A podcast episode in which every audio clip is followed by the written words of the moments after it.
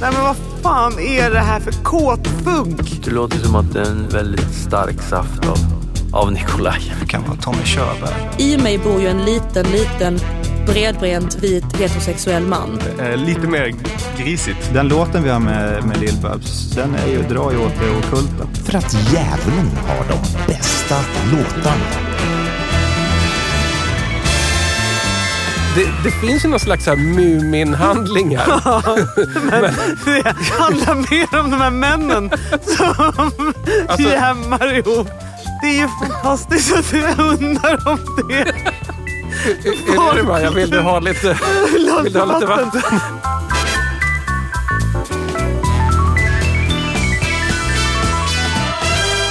DJ. Melodiradio är inte död. Den har bara varit nere i helvetet och omgrupperat. Och nu luktar den lite unket.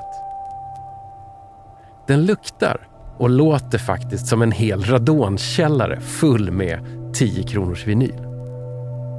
Jag som sitter här vid skivspelaren och leker Bertil Perolf. Sug på den referensen ungjävlar. Jag heter Tommy Jönsson. Och det här cyberspacade melodiradioprogrammet heter DJ 50 spänn.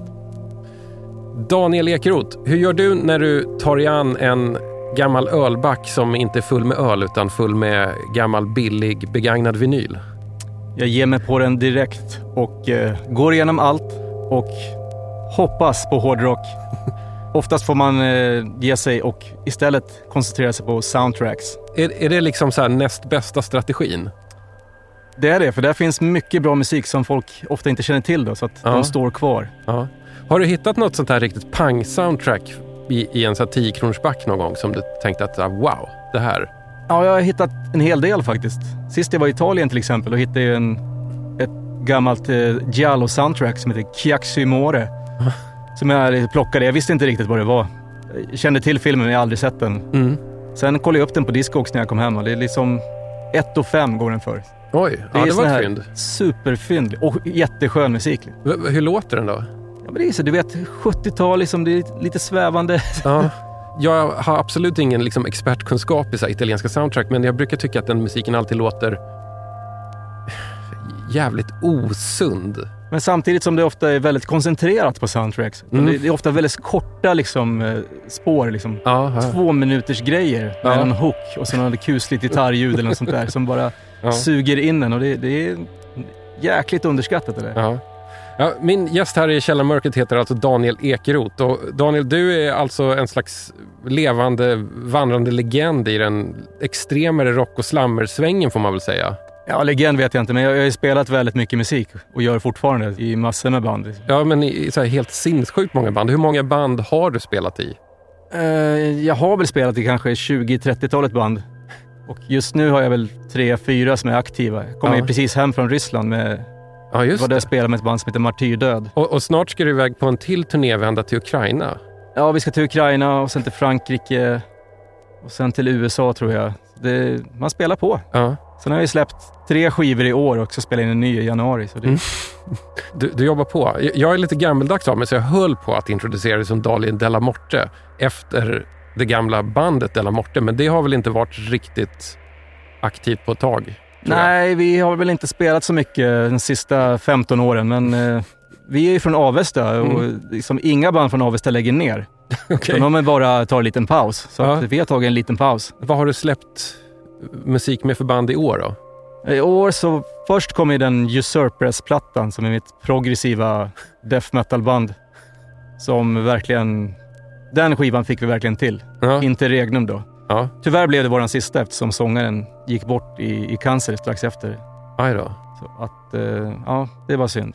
Men var han sjuk då medan ni gjorde skivan? Ja, väldigt sjuk. Så han fick ju sjunga in sången först, vilket så spelar man inte in skivor. Mm. Men han visste inte om han skulle leva när vi spelade in skivan då. Så att, eh, vi la sången först och så spelade vi in musiken efteråt.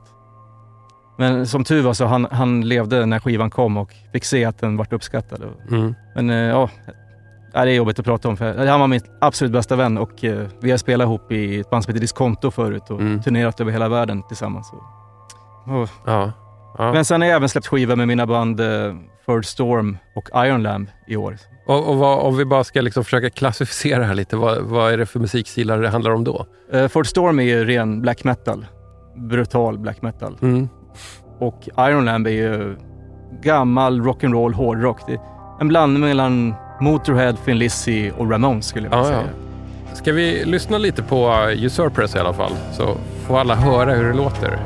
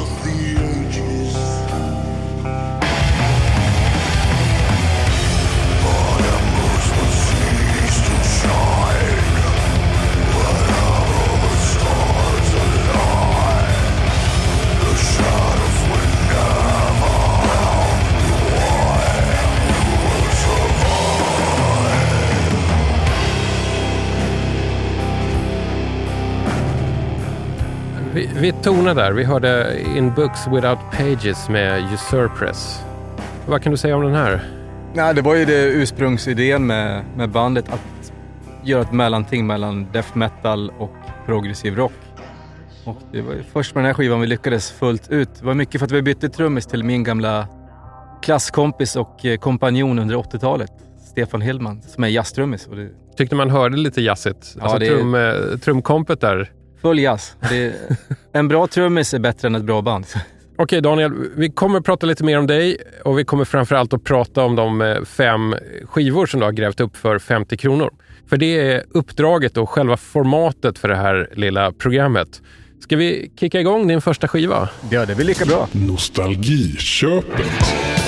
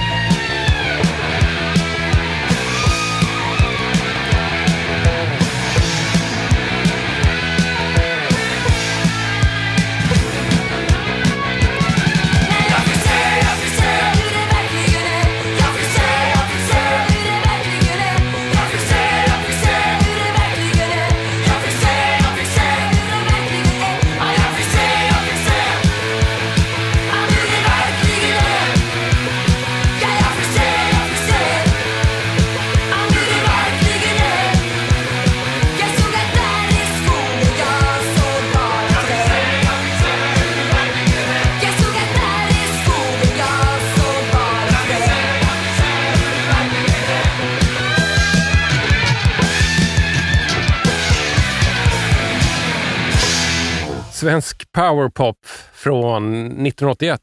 Det här var mycket rivigare än vad jag minns det här bandet som. Ja, det var ju Attack då och eh, jag tror 99 procent av alla minns ju enbart eh, Oa hela natten. Ja. Och, och, Den, den stora, stora hitten. ja, och den är ju inte representativ för den här skivan. Utan det, är, det, det är lite mer poppunkigt. eh, Ja. Och det är inte så jävla dumt. Alltså. Nej, alltså jag, jag tänkte jag skulle fråga, var det här tillräckligt rivigt för dig? Om jag ska vara ärlig då, när den här kom, eh, det, det var det syrran som lyssnade på det här mer än jag. Men eh, det hände att jag tjuvlånade skivan och, och lyssnade själv. Och, Mm. när jag hittade den här på skivaffären så tyckte jag det var helt givet att ta den som Mm. en nostalgiplatta. För att den är väldigt förknippad för mig. 81, 82 Mm. och sen aldrig mer. Jag ska säga det, att det- här är alltså från albumet Rätt stuk med gruppen Attack från 1981 och låten heter Jag fick se hur du verkligen är. Ja, Det som är roligt är att den vi hör som sjunger, som har liksom lite så här skönt, alltså lite, ja, rivig röst helt Ja. enkelt. Det är Rosa Körberg. ja det är Tommy Körbergs halvsyrra. Det är lite skillnad på sångstil. Ja, jag tror inte hon har samma kapacitet, men det är inte helt fel det hon gör heller. Nej, det passar för, för genren. Det ska låta så här. Jag misstänker att bandet är byggt runt henne. Men du, vilka hör vi mer? Ja, det roliga med det här bandet är att de två huvudmusikerna i bandet är ju väldigt duktiga, progressiva rockmusiker. Framförallt då Åke Eriksson på trummor. Just det, även känns som Doktor Åke. Ja, visst. Och han var ju känd, han spelade ju i Vasa Express. Han hade även en hårdrockskarriär i bandet Bedlam. Det är ett band som jag bara känner till genom att ha sett liksom någon annons för deras skiva. Jag har ingen aning om hur det låter. Nej, det är väl inte så jättebra. Men, men sen har han även varit med i Gud i brallan och Kebnekaise på senare år. Liksom. Ja, just det. Han är sån här, och framförallt så åkte han runt och hade trumshower på Ja, 80-talet. Just det. Jag, jag kan ha sett en sån trumshow när jag Ja. var 11 eller 12 och gick till fritids. Och så var det någon galning som hade typ så här vatten eller riskorn på virveltrumman och Ja. så att det dunkade så att det liksom regnade av det här. Det, det känns väldigt fjärran idag att folk åkte runt och spelade trummor inför småbarn och liksom Mm. visade häftiga grejer. Fast jag vet inte, alltså min dotter såg ganska nyligen Tobbe Trollkarl på sin skola. Och jag tänker att det är inte kanske en trumshow med Dr. Åke, Tobbe Trollkarl är ändå samma slags typ av underhållning. Ja, det, ja. Eller jag vet inte om det är det. Jag var inte där, så jag kan inte säga det. Sen finns ju på gitarr finns ju Björn Ur som, ja, han är tyvärr död idag, men de flesta vet nog inte vem han är. Men han har också en karriär inom progressiv rock. Och eh, han hade ett band som hette Solid Ground som släppte en skiva 1976 som heter ja, Made in Rock. Och det är den dyraste svenska skiva som finns tror jag.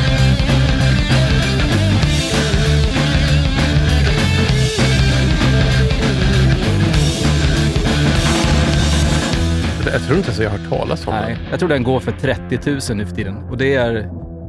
Jag har sett den en gång. Den är liksom... Och den, det var på första gången jag var på skivaffären Mellotronen i Stockholm. Och det här var 89 måste det ha varit. Ja. Då hade de den på väggen för 4 000 och jag tyckte 4 000 för en skiva, det, det finns inte på kartan liksom. Jag borde ju ha köpt den. Ja, exakt. Det hade varit en investering. Men den skivan är jättebra. Det är Sveriges Deep Purple. Men den kommer man tyvärr aldrig äga. Du, Daniel, jag vet ju att du har en liten bakgrund i videosamlandet. Ja, Och jag tror att det är därför du går igång också lite grann på att eh, Dr. Åke är med på den här. ja men alltså, Oa hela natten var ju en listetta i Sverige. Mm, ja, ja. Men eh, den råkar ju sammanfalla med att eh, en kille som heter Hans Hattvig, som hade en tidning som hette Okej, och Mm. innan dess en tidning som hette Poster. Mm, mm. Han fick för sig att han skulle börja göra mm, filmer. för att han trodde att, eftersom Poster och Okej, det gick ju så bra, så att jag kan ju allting. Så att eh, han bestämde sig då för att spela in en, en skräckfilm. Så, som, ja, som sen eh, kom att kallas Blödaren. Det är bra namn. Och den, den eh, filmen då bestämde sig eh, Dr. Åke för att eh, istället för att åka på folkparksturné då med Attack, Mm. när de hade en listet då att allting var på gång, så sa han, ja men jag tar hela sommaren off för att spela in den här filmen istället. Oj. Så- Ja. Jag, jag tror det var därför som Attack förlorade momentum och aldrig blev... Nej, för, för det var den här skivan och sen inte så mycket mer. Ja, de gjorde en innan och en efter, men Mm. liksom, det var ju här som var den stora, men det, det blev liksom inte... De skulle, enligt mig skulle de kunna blivit lika stora som Noise eller Gyllene Tider. Liksom, Ja, men det här var ju superbra tycker jag. Ja. Det, det, här, det här har jag inga problem med. när de var som störst så bara försvann de. Och det var ju, tror jag, mycket beroende på den här blödaren då. Ja, men du har ju säkert sett eh, skräckfilmen Blödaren. Oh ja, oh ja. Jag Med, med Dr. Åke. Är, är han huvudrollsinnehavare? Han är huvudrollsinnehavare. Han spelar blödaren. Springer omkring i en sparkdräkt. Okej, eh, hur, hur är filmen? Den är ju så jävla dålig så att det liknar ingenting.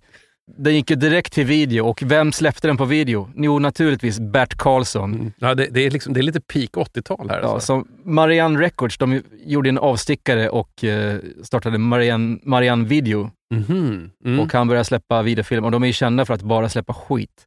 Jag kommer ihåg de tryckte upp ett reklamblad där Bert Karlsson sitter på en, en pansarvagn och så är överskriften här, Bert gillar när det smäller. Och så är det då blödaren under.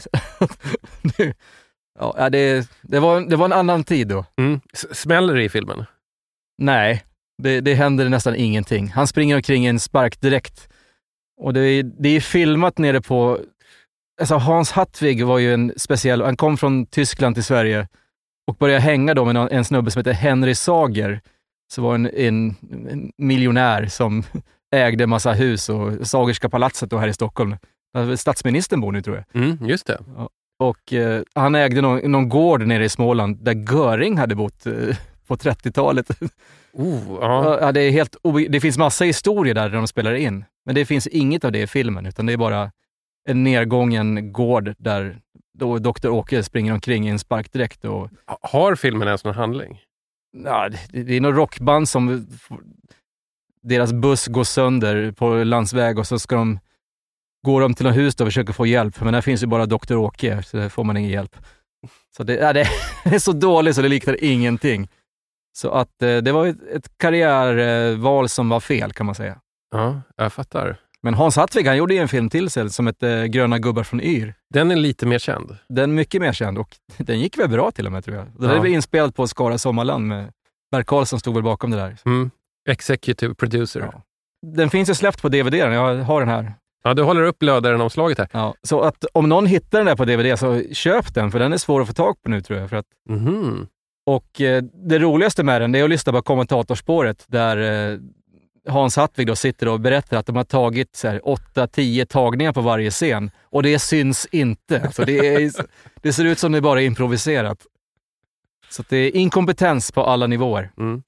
Kan man lära sig någonting annat av uh, attackplattan? Nej, jag, jag, den är bra, men samtidigt, man hör ju att det, det är extremt bra musiker som håller igen för att Mm, spela mm. liksom, lättsam eh, poppunk. Ja. Men jag, t- jag tänker att de, de visste nog vid det här laget att 70-talet var slut, så att den, den här tiden i livet när de kunde ge sig ut på långa progressiva utflykter var förmodligen slut.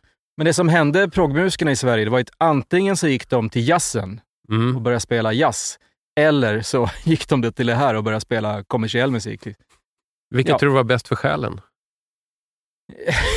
Jag vet inte, men jag tror blödaren var bäst för själen. Ja. Vet du Daniel vad jag längtar allra mest efter just nu?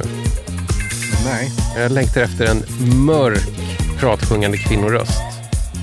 Jag längtar efter lite så här eurobrytning. Och jag längtar efter ett svinksomslag. Då tror jag att jag har eh, precis rätt medicin för dig. Chansningen.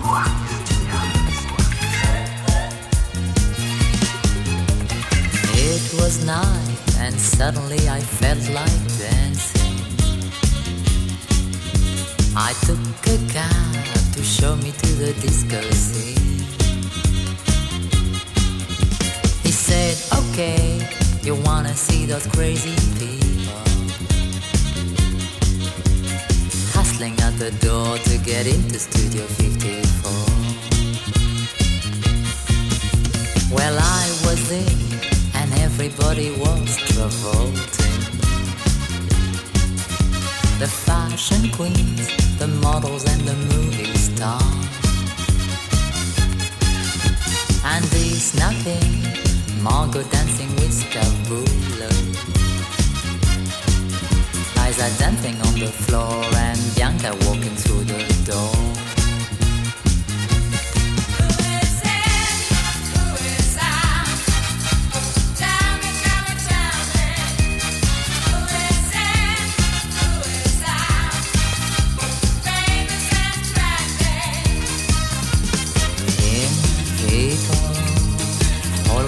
Waste money, but they only travel by Concorde.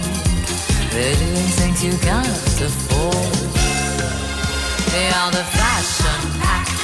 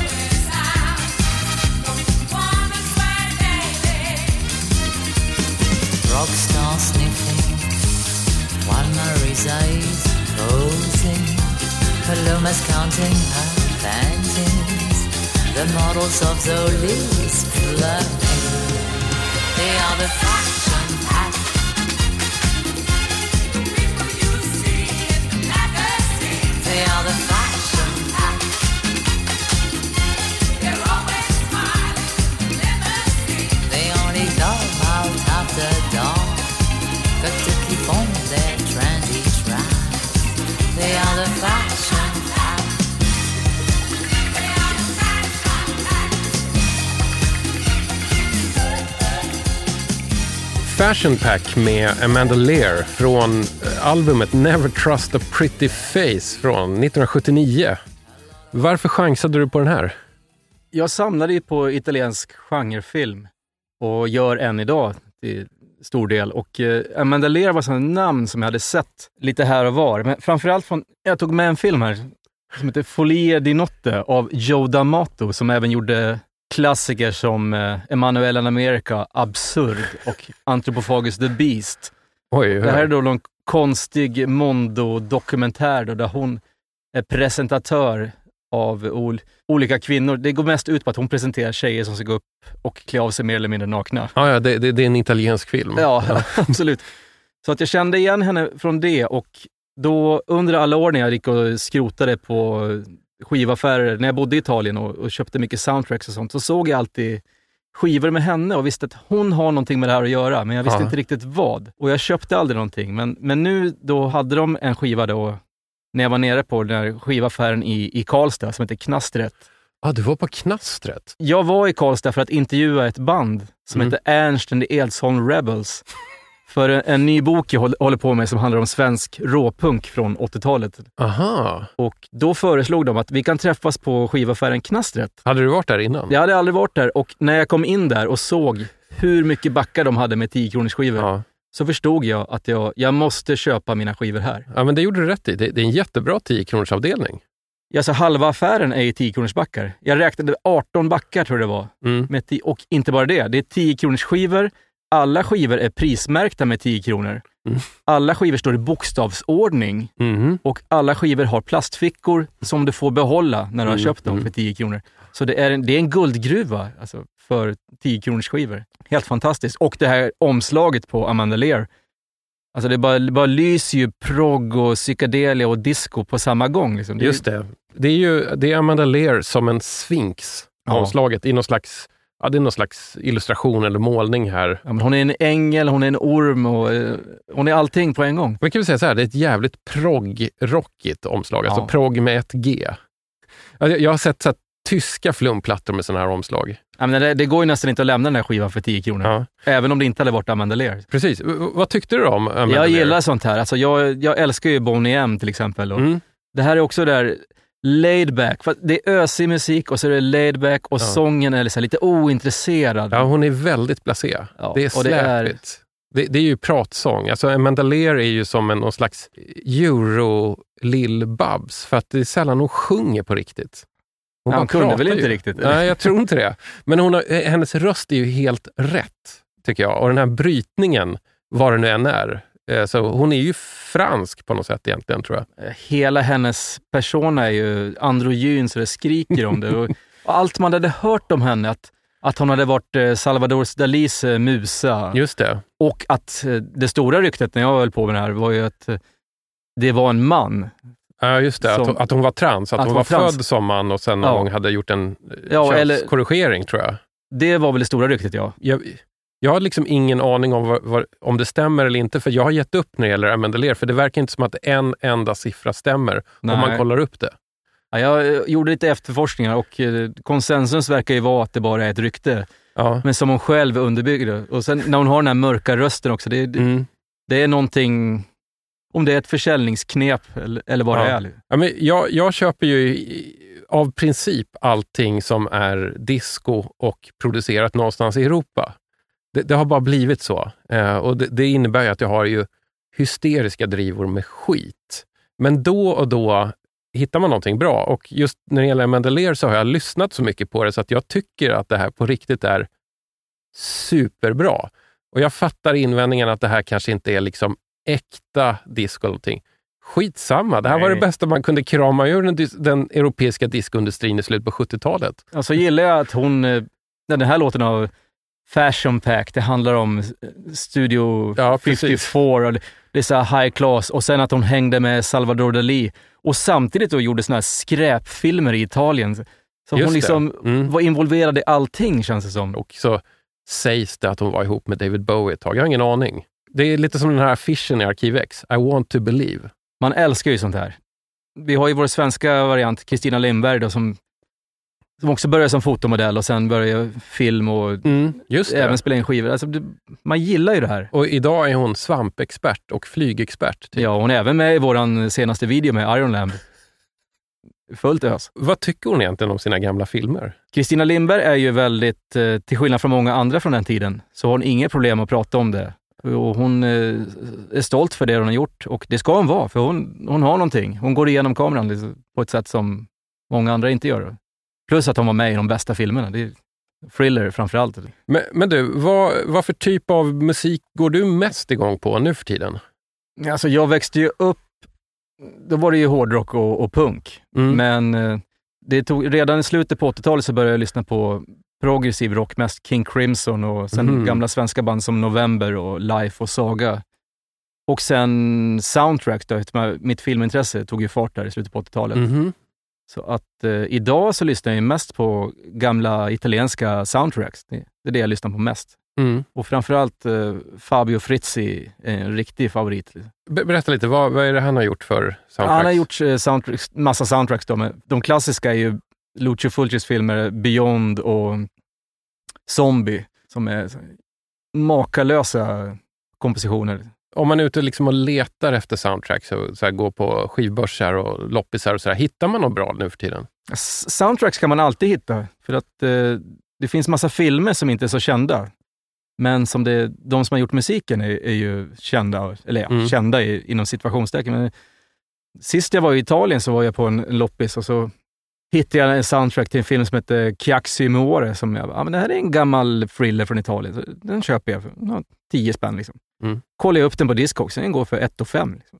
Mhm. Men sånt, sånt går att hitta fortfarande, till Mm. skillnad från mycket annat. Liksom. Ja. Nej, men för jag, jag vet ju att liksom, leta hårdrock och sånt där, Nej, hårdrock, då, då ska man ha en väldigt tjock plånbok känns det som. Nej, hårdrock är ju speciellt på det sättet att eh, skivorna hittar man aldrig second hand liksom, för en tia. Det går inte. Och trots då att eh, skivorna sålde i mångmiljonupplagor. Ta AC/DC, det är världens största band genom Mm. tiderna. När ser du dem på en, för en tia? Aldrig. Back in Black finns i 50 miljoner ex. Du hittar den aldrig. Varför? Nej, jo, för det- att den är så bra så folk vill behålla den. Ja, vad säger du Daniel, ska vi ta lite mer pratsång? Vi får väl ta det.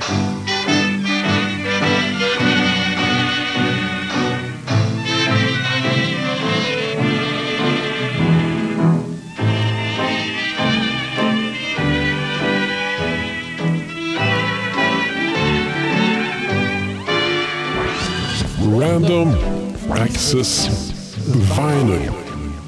Livet är så tjusande, så underbart rikt brusande om blott det leves rätt. Glöm allt trist och vardagsgrått, allt tråkigt och fult, allt dumt och smått, så blir allting så lätt. Klä dig liksom jag i frack och leende min och lägg bort din trista splin. Det hänt mig många, många gånger att unga damer ömt jag kysst. Jag har ej rönt motstånd, det blott stammat tack för jag var en herre i frack. En kväll på maskerad jag mötte en flicka som var ganska nätt.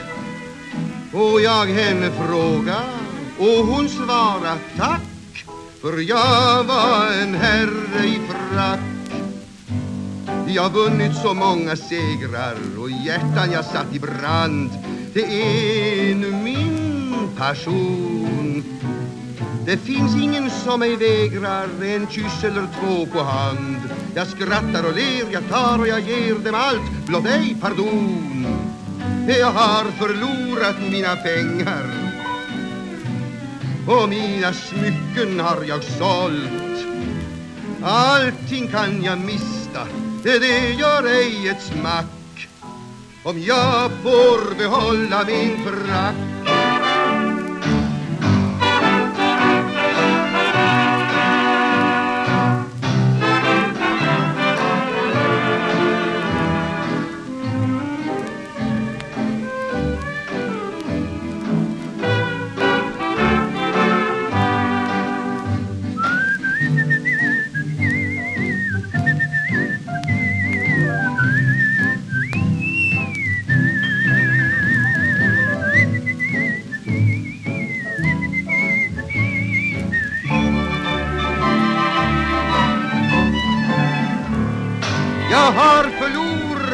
Mina pengar och mina smycken har jag sålt. Allting kan jag mista, det gör ej ett smack om jag får behålla min frack. Ja, det här var ju Gösta Ekman den äldre Just det. med Herre i frack. Och du har som eh, liksom random access vinyl fått upp en, ja, en sån nyutgivning från 70-talet med Gösta Ekman-låtar. Det var ju ren flax för att eh, när man ska ta en random skiva, när jag stod där inne på knastret och såg alla backar så tänkte jag, andra backen från vänster, andra skivan. Den ska jag ta. För att när jag själv går och bläddrar bland massa såna här backar och så är det något som att kanske ska köpa, då ställer jag den näst längst fram. Ah. Så att det var min idé att det kanske är någon som har hittat något som är så halvintressant Mm, mm. som då står näst längst Ja, fram. just och jag tror nästan att det var så, för att det här är ju, tycker jag, en intressant skiva. Varför är den intressant? Ja, alltså dels Gösta Ekman, den äldre då, han var ju en, en, en, en skådespelare som var relativt känd och eh, han var ju framförallt med i en film som jag gillar som heter Faust Mm, av det- Murnau som då även gjorde Nosferatu. Ja, just det. Och nu, nu snackar vi liksom tysk stumfilm Tysk här. 20-tals stumfilm. Och eh, den här Faust, den är inte så dum. Den, den kan man med behållning kolla på. Det Ja. är, Jag kan ha sett den här när jag pluggade filmvetenskap för länge, länge Ja, sedan. jag gjorde minns det. inte riktigt. jag såg den när jag pluggade filmvetenskap. Okej, ja, men då är den säkert med i Ja, den är kursplanen. nog en, en standardfilm. De här eh, filmprofessorerna brukar väl hålla den här lite högre än Ja. Nosferatu. Va- varför det? Jag, jag vet inte, den, den är väl fräsigare på något sätt. Ja, ja. Den är mer expressionistisk tror jag. Det är Aha. mycket här spetsiga hustak och såna här grejer. Men fan, är det inte det i den där Nosferatu-filmen också? Är Jo, inte liksom det är. allting spetsigt där? Ja. Ja, men vad roligt att du fick upp den här. Eh, Den här låten som vi hörde, Herre i frack, den är inspelad 1935, står det.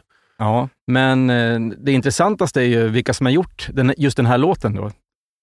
Och det är ju eh, hans son, tror jag, Hasse Ekman, Mm. som var eh, filmregissör. Ja, och så, som blev rätt så jävla stor han också. Ja, absolut. Och eh, han gjorde bland annat en film som Flicka och hyacinter som är fantastisk. det. Mm. Och han var väl egentligen bättre än Bergman på den tiden.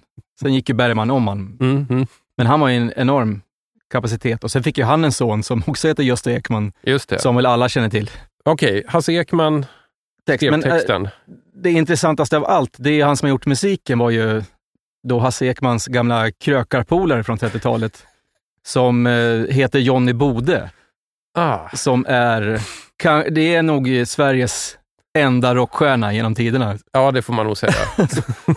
Och alltså hans liv är ju helt eh, sinnessjukt. Och det finns, det finns ju en bok som heter Jakten på Johnny Bode Ja, som är helt fantastisk.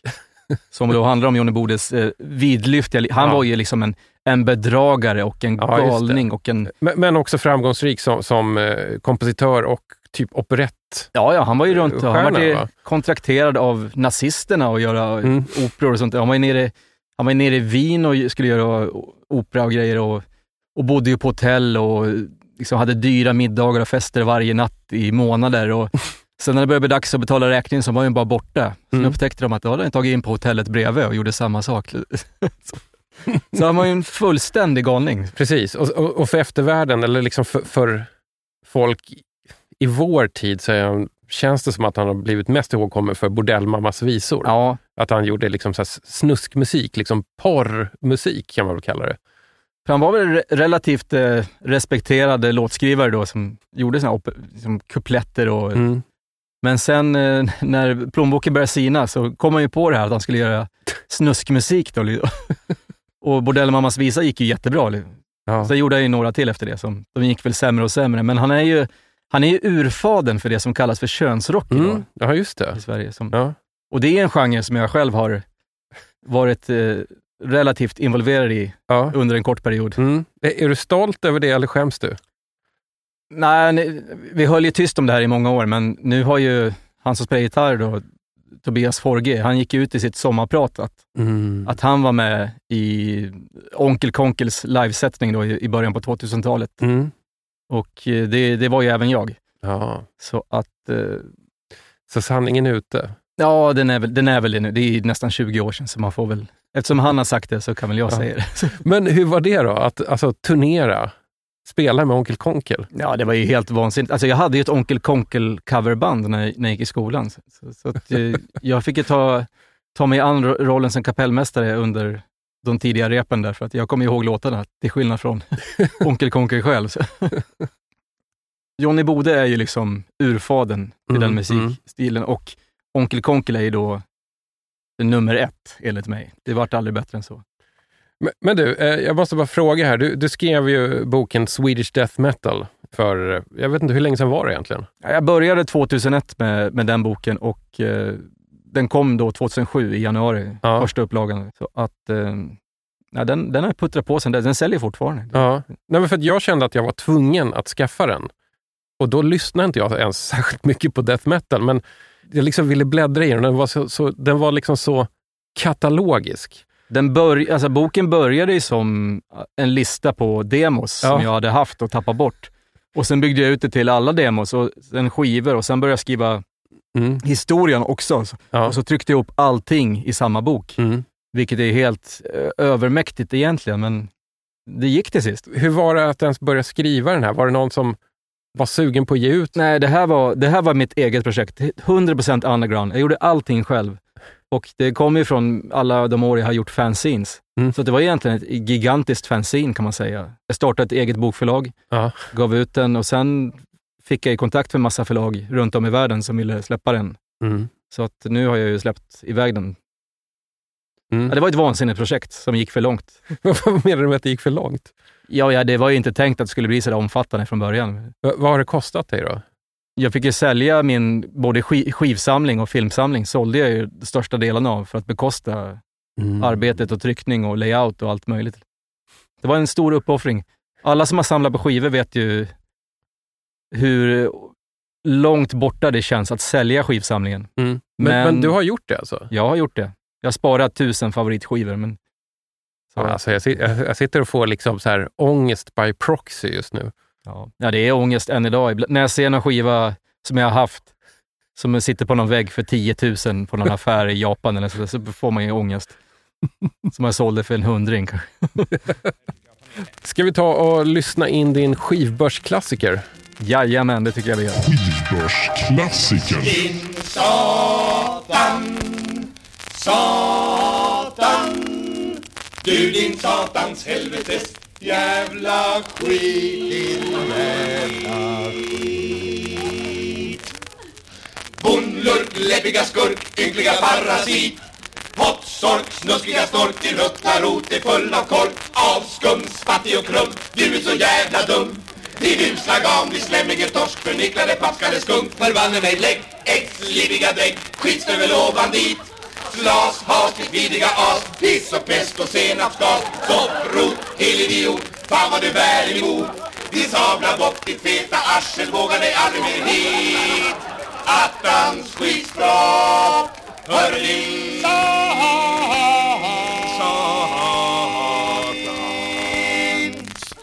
Helvete. Helvete.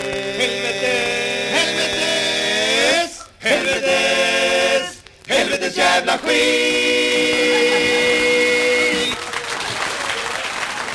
Ja, det här är ju Magnus och Brasse svordomsvisan från Varning för barn som jag tror det är nog många som har sett den här i reabackarna. Ja, jo, det är också många som har hört den här. För, alltså för folk i liksom vår generation så behöver man liksom inte säga vad det är ens. Man fattar Nej. det. Man har hört det här ganska många gånger. Fast jag hade nog inte hört den på i alla fall 20-25 år tror jag. Ja, nej, jag har ju lyssnat på den här nästan konstant sedan jag fick den. Och den har gått på, när jag turnerat med mina band, så den här går ju Jaha, rätt är, är det här liksom turnébussunderhållning? Det skulle jag vilja säga. Och inte bara det, jag lyssnar på den privat också. Och det, för mig, den här skivan är ju speciell för mig, för det här var den, den andra skivan jag fick någonsin. Ja, Den ja. första jag fick, det var Kiss Destroyer, 1976 på julen. Det, vänta, det, här, det här förklarar så mycket om dig. Ja, det var eh, så...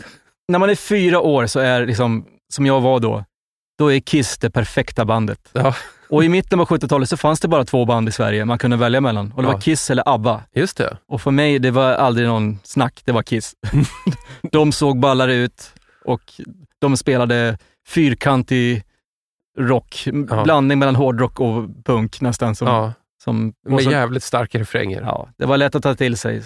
Så Kiss Destroy lyssnade jag på varje dag i ett år till nästa jul, då jag nog fick den här skivan av mina föräldrar. Så, det, man ska säga att den här skivan är inte gjord för femåringar. Utan alltså jag, jag har dimmiga minnen av den. Så Ja. Varför är den inte det? Det här är ju en krogshow för vuxna med, med skämt om sex och alkohol. Mm. Det är liksom det den här skivan består av. Ja. Men jag lyssnar på den här alltså om och om Ja. igen i flera år. Men, men jag tänker så här, var inte det liksom så här lite okej som barnunderhållning på den tiden? Jag, jag minns att så här, det var mycket sketcher, alltså mycket fyllesketcher på tv när man kollade då. Det satt man ju garvade hjärtligt åt.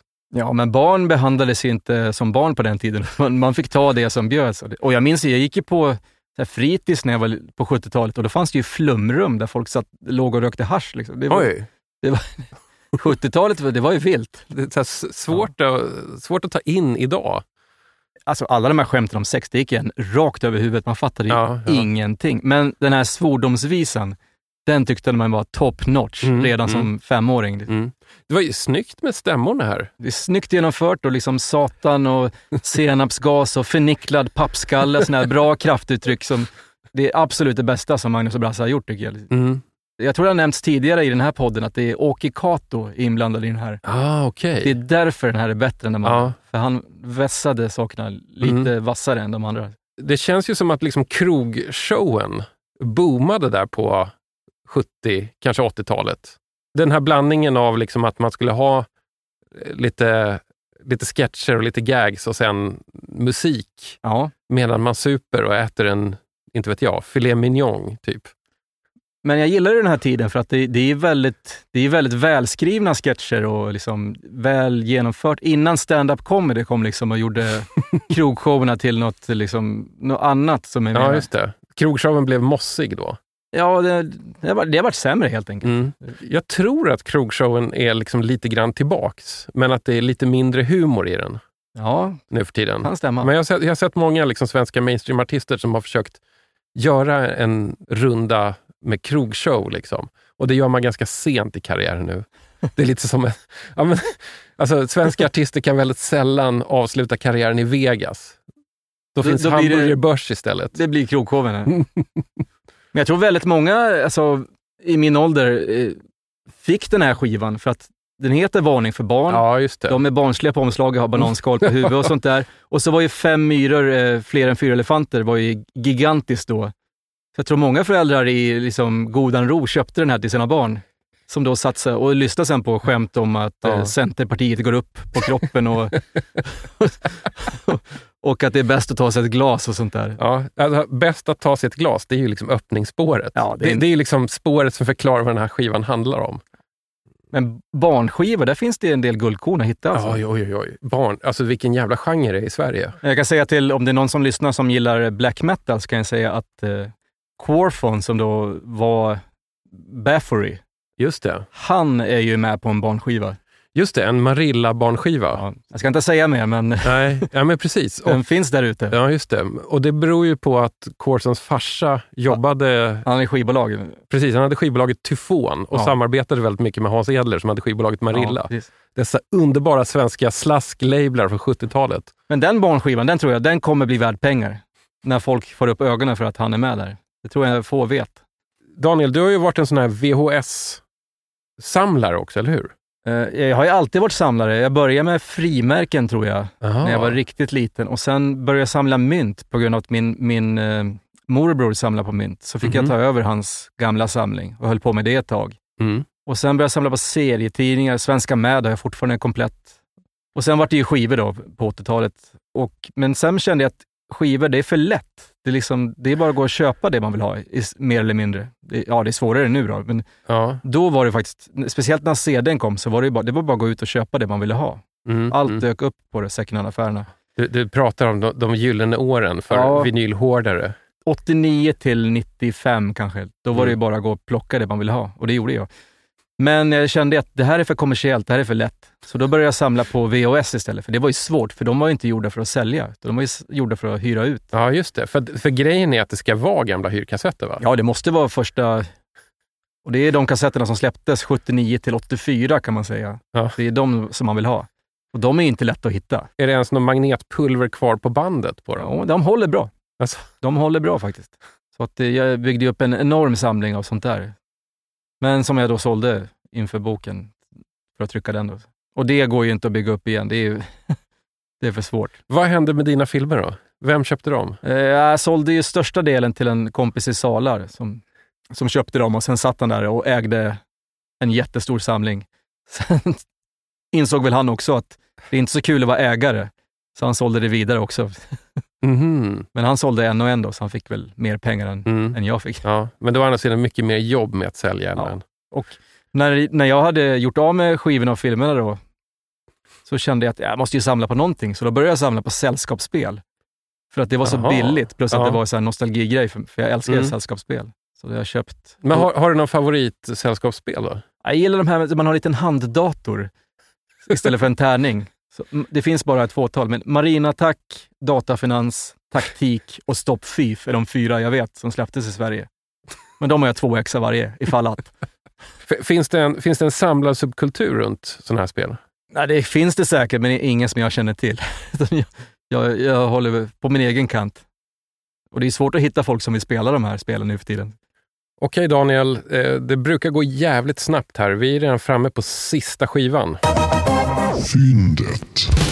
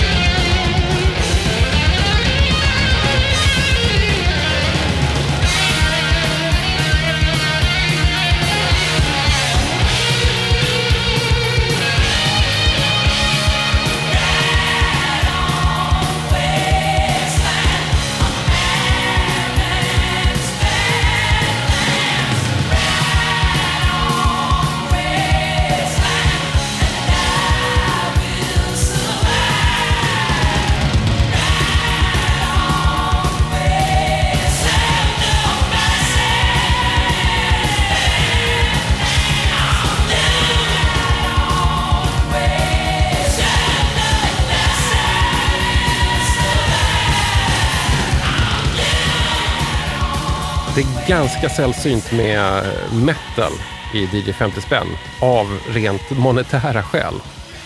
Det här var ju W.A.S.P. med Show No Mercy, alltså B-sidan på deras första singel Fuck Like a Beast. Och eh, mitt mål när jag letade i skivorna nu, det var att hitta någon skiva som det var hårdrock på. Mm. För att det är ju väldigt sällsynt i reabackar att hitta hårdrock. Mm. Men då, då hittade du ett soundtrack Ja, till en film jag aldrig hört talas om som heter Dudes. ja, dudes, jag kommer ihåg jag såg den här filmen på 80-talet. Den är inte så jättebra, men det, men det är ett jättebra soundtrack. Ja, alltså den är från, vad står det? 86 tror jag. Jane's Addiction, Keel, The Leather Nun, Megadeth, The Vandals, W.A.S.P. Alltså det är en bra lineup. Men hon som har gjort den här filmen då, Penelope Spheris, Mhm. hon är ju mest känd för sina musikdokumentärer. Alltså Decline of the Western Civilization del 1, 2 och 3. Aha. Och den första då gestaltar den tidiga punkscenen i Los Angeles där de bodde med Ja. Black Flag och Germs och sådana band. Och, och den är så legendarisk för de, de banden har ju cred. Så att den filmen är ju högt ansedd. Och det är, det är ett unikt dokument från den tiden med den typen av band. Och sen gick hon vidare och gjorde en del två som då handlar om de här glamrockbanden i Los Angeles. Alltså nu snackar vi liksom spandex-musik här. Ja, precis. Och då W.A.S.P. Och även Ozzy Osbourne och, och Mhm. Lemmy Motörhead är med för att de råkar bo där. Liksom. Ja, ja. Så att det är lite rörigt. Och sen Megadeth är med som hon ser som någon så här räddare av eh, musikscenen. Nå- Något band som är hårda och har någonting att säga på riktigt istället för att bara knulla brudar och, och ja. bira. Och hon var väl väldigt förtjust i Megadeth. Mhm. Så att hon gjorde massa videos åt dem i början. Men hon gick i alla fall från, från att göra de här eh, liksom musikdokumentärerna, sen, för att det här verkar ju vara en komedi, den här Dudes. Ja, det är någon sorts... Komedi vet jag inte. Det är någon sorts konstig 80-talsfilm med samma stil som en film som Repo Man till exempel. Ja, okej. Så Ja. Egendomlig film som bara finns på 80-talet. Vad, vad ska man kalla den genren egentligen? Jag vet inte. det är 80-talsfilm. 80-tals independent film. Liksom. Mm. Och det är, alltså, han som spelar bas i Red Hot Chili Peppers, Flea heter han. Mm. Han är också med i den här och blir mördad i början. Det är så här lite, ja, så som man gjorde film på den tiden. Den är, den är halvskön men inte jättebra. Då. Ja, ja. Men soundtrack Mm. är fantastiskt. Och W.A.S.P. då, eller, för mig, jag kan inte undgå att spela W.A.S.P. Nej. För att W.A.S.P., speciellt i Sverige då, fick ju symbolisera den här dekadanta, vedervärdiga hårdrocken. Då Ja, just det. efter att eh, Sivert Öholm hade gjort ett inslag om dem i sitt, heter det Svar Direkt? Ja, Svar direkt heter det. Det var, det var liksom ett debattprogram. Alltså, jag, jag tror att all, alla ser det nästan framför sig nu att, att eh, Anders Tengner hette han Ja, han sitter där och får försvara hårdrocken och mot ett gäng kristna galningar. Ja, du, du sa tidigare att 70-talet var rätt vilt. Fan, 80-talet var rätt flippat också när man tänker Ja. tillbaka på det. Det var åt alla håll. Liksom. Det fanns ingen styrsel. I alla fall i Sverige så slog ju W.A.S.P. igenom på grund av Sivert Öholm. Ja, de varit mycket större än de var innan i alla fall. för, för att jag tror inte att någon hade brytt sig om dem riktigt annars. Nej, de var ju här och spelade, det var ju därför de gjorde inslaget. Jag tror att Kiss skulle ha varit med från början, Mhm. men sen fick de nys om W.A.S.P. Och det var ju liksom mera sprängstoff tyckte Sivert Öholm. Men, men du gillar ändå gamla W.A.S.P. Alltså, när det låter så här? alltså första W.A.S.P-singeln som det här är då, och första LPn, och Mm. första låten på andra LPn är ju helt magiska tycker jag. Det är, det är så popdängor med liksom ett jävlar anamma det. Mm. Och Blackie Lawless är en väldigt speciell figur. Han, han gick ju med i New York Dolls i New York. Ah. Och, men det höll ju inte riktigt, så då stack ju han och Arthur Kane, basisten, till Los Angeles för att starta ett band som heter Killer Kane. Mm. Som inte heller varit någonting då. Så då flyttade Arthur Kane tillbaka till New York, medan Blackie då försökte komma igång i Los Angeles och hade något band som heter Sister Ja. tillsammans med Nicky Six som sen startade Mötley Crüe. Och- sen då kom ju W.A.S.P. igång efter det och, han håller fortfarande på med W.A.S.P. Hur låter det idag? Det roliga är att Blackie har ju nu blivit eh, kristen på äldre dagar. Så han är ju vår tids Sivert Öholm och liksom, han, Men, men är han, liksom, är han eh, hardcore-kristen? Liksom? ja, han vägrar ju spela gamla låtarna som har, som Fuck Like a Beast som Sivert Öholm gjorde ett stort nummer av. ja, just det. Den vägrar han ju spela nu. Också. Sen är det roligt att Sivert Öholm satt ju och sa att uh, W.A.S.P. det står för We are Satans people. Just det. För det är punkter mellan varje bokstav. Mm. Medan det, det står ju för White Anglo-Saxon Protestant, vilket de sjunger i den här låten. Ah, okej. Som är B-sidan på, på Fuck a Beast-singeln. Men du, du kan inte liksom blamea Sivert Öholm för att han inte orkade liksom lyssna på B-sidan? Nej, Alltså, det, jag tror inte ens han lyssnade på A-sidan om jag ska vara ärlig. Det var, liksom, det var klappat och klart när han såg bilderna på dem.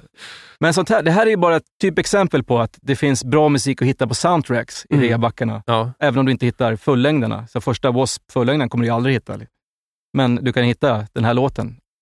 Så det är mitt tips till alla. Köp soundtracks. Du nämnde tidigare att eh, du är igång med en ny bok om Mm. eh, gammal svensk råpunk. Är det här någonting som går att få ihop?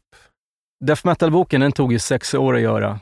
Men nu jag är lite äldre nu och allt går lite långsammare och den här genren, råpunk, är inte alls lika väl dokumenterad som eh, death metal. Så att, eh, nu gäller det att leta upp alla personer och intervjua dem. Ja. Och det tar ju tid och de här människorna är ju ganska gamla. ja. Och det är lite svårare att få tag på dem och få ihop det. Men det kommer ta mellan två till fyra år till, beroende på om jag ska fortsätta jobba heltid.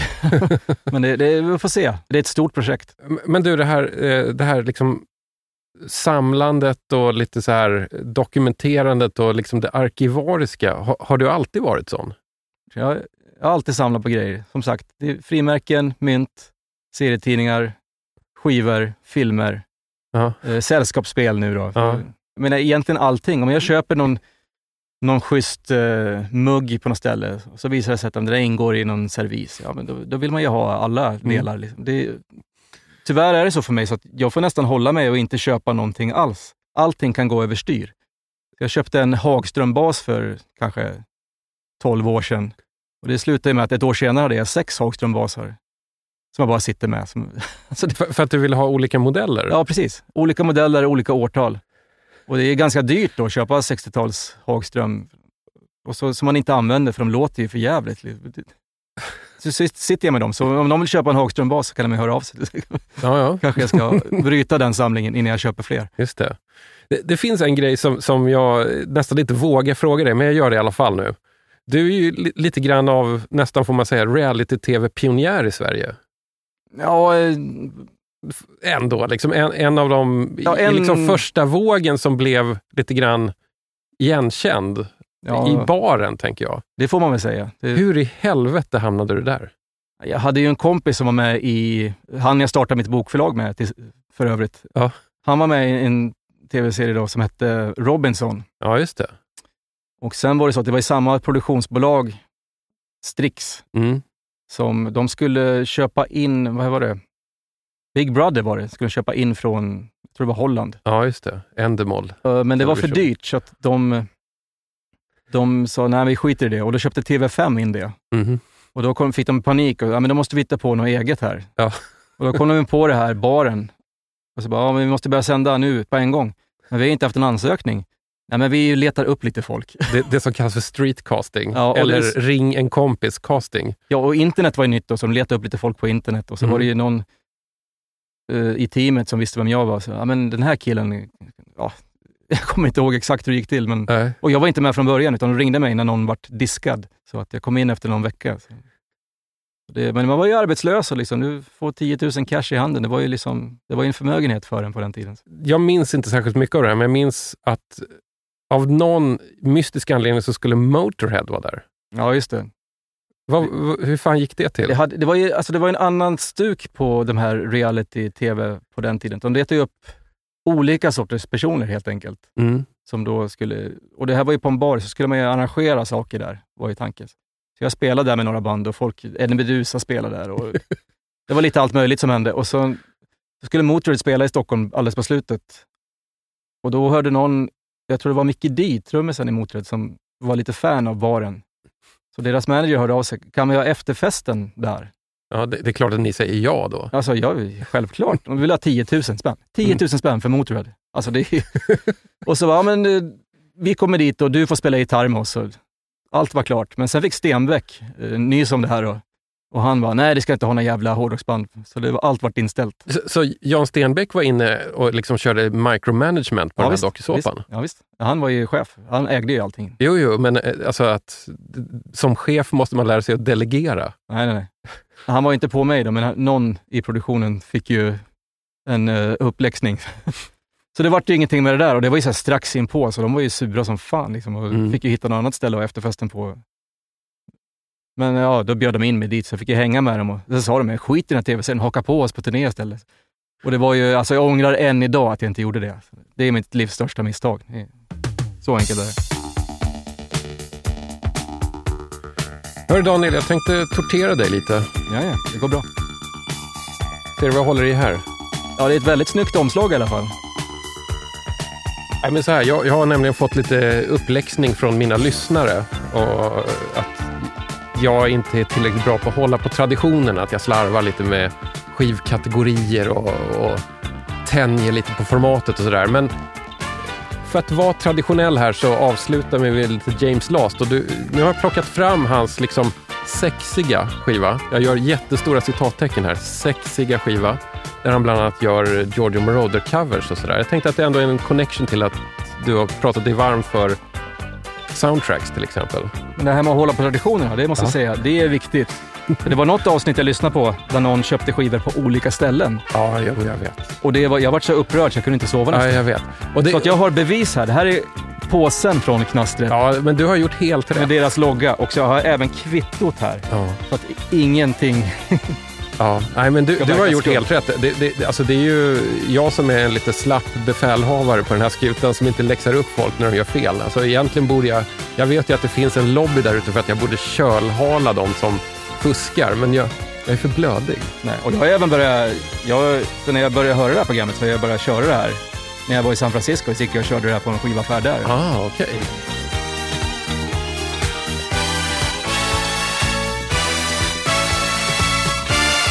Där är det helt andra skivor. Problemet Jo. är att man vet ju inte vad som är skivbacksklassiker där. Nej, Men precis. nu vet jag det, Mm. när jag gått runt i alla skivaffärer. Det är Moody Blues. Finns i varenda skivback i San Francisco.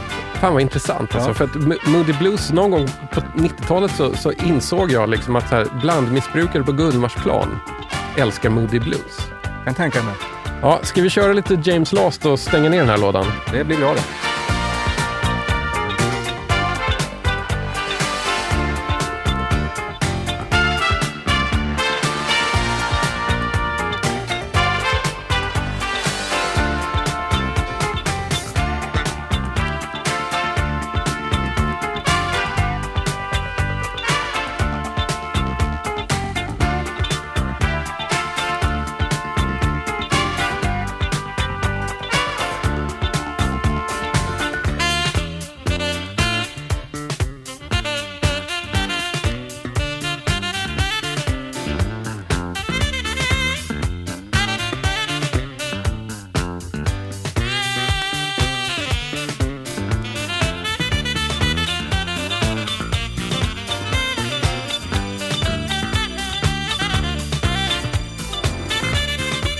Där har du tagit igenom ett helt nytt avsnitt av DJ 50 spänn. Sveriges billigaste, men förmodligen skönaste skivgrävarpodcast.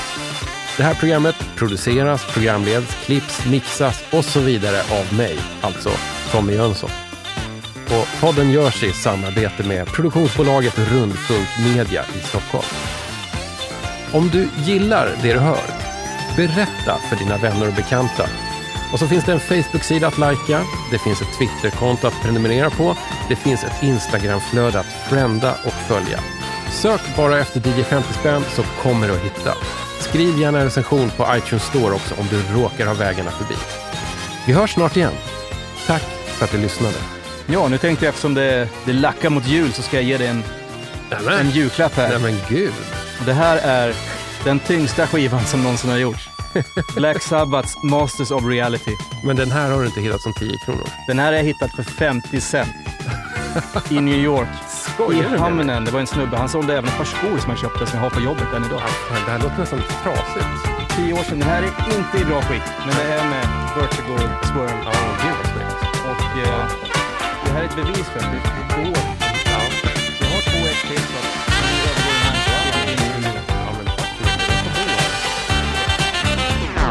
Jag tycker de ska slå ihop alltihop till en kaka. Pass. Sen låser man in dem i den stora konferensanläggningen.